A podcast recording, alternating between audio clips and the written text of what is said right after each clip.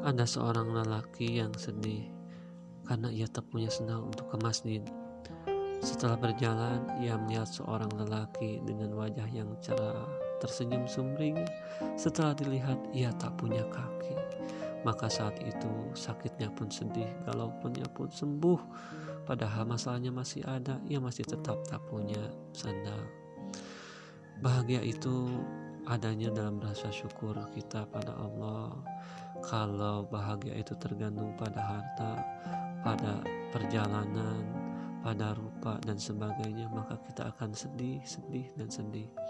Saat kita punya rasa syukur, maka saat itulah kebahagiaan akan muncul kapan pun, di mana pun, dalam kondisi seperti apa pun.